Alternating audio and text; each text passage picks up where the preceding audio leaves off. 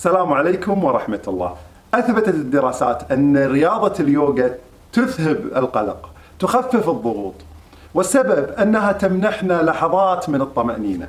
والطمأنينة هي جزء هو ركن من أركان الصلاة، لا تقبل الصلاة إلا بالطمأنينة. الله الذي خلقكم من ضعف كيف لا نطمئن ونحن نقول الله أكبر الله أكبر من همومنا التي لا تنقضي من مشاكلنا التي لا تحل. لا يجب أن نطمئن في الصلاة لأنها ركن من أركان الصلاة. يجب أن نطمئن لأننا نحتاج أن نطمئن.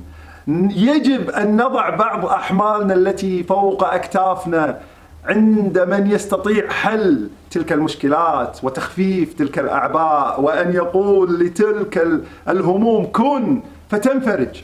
كيف لا نطمئن ونحن جالسين بحضرة من يستطيع أن يحل كل مشاكلنا. علينا أن نثق أنه قادر ونثق أننا نحتاج هذه اللحظات من السكينة التي تستقر فيها قلوبنا ويذهب عنها قلقها. يا أيها الناس أنتم الفقراء.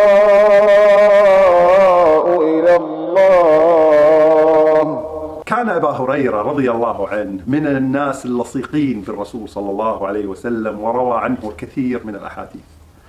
فكان الرسول صلى الله عليه وسلم في الصلاة الجهرية يكبر ثم يسكت ولا يشرع في القراءة.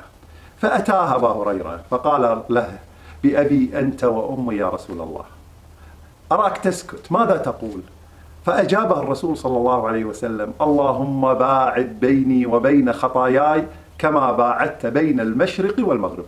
اللهم آمين. الله الذي خلقكم من ضعف ثم جعل من بعد ضعف قوة ثم جعل من بعد قوة ضعفا وشيبا يخلق ما يشاء وهو العليم القدير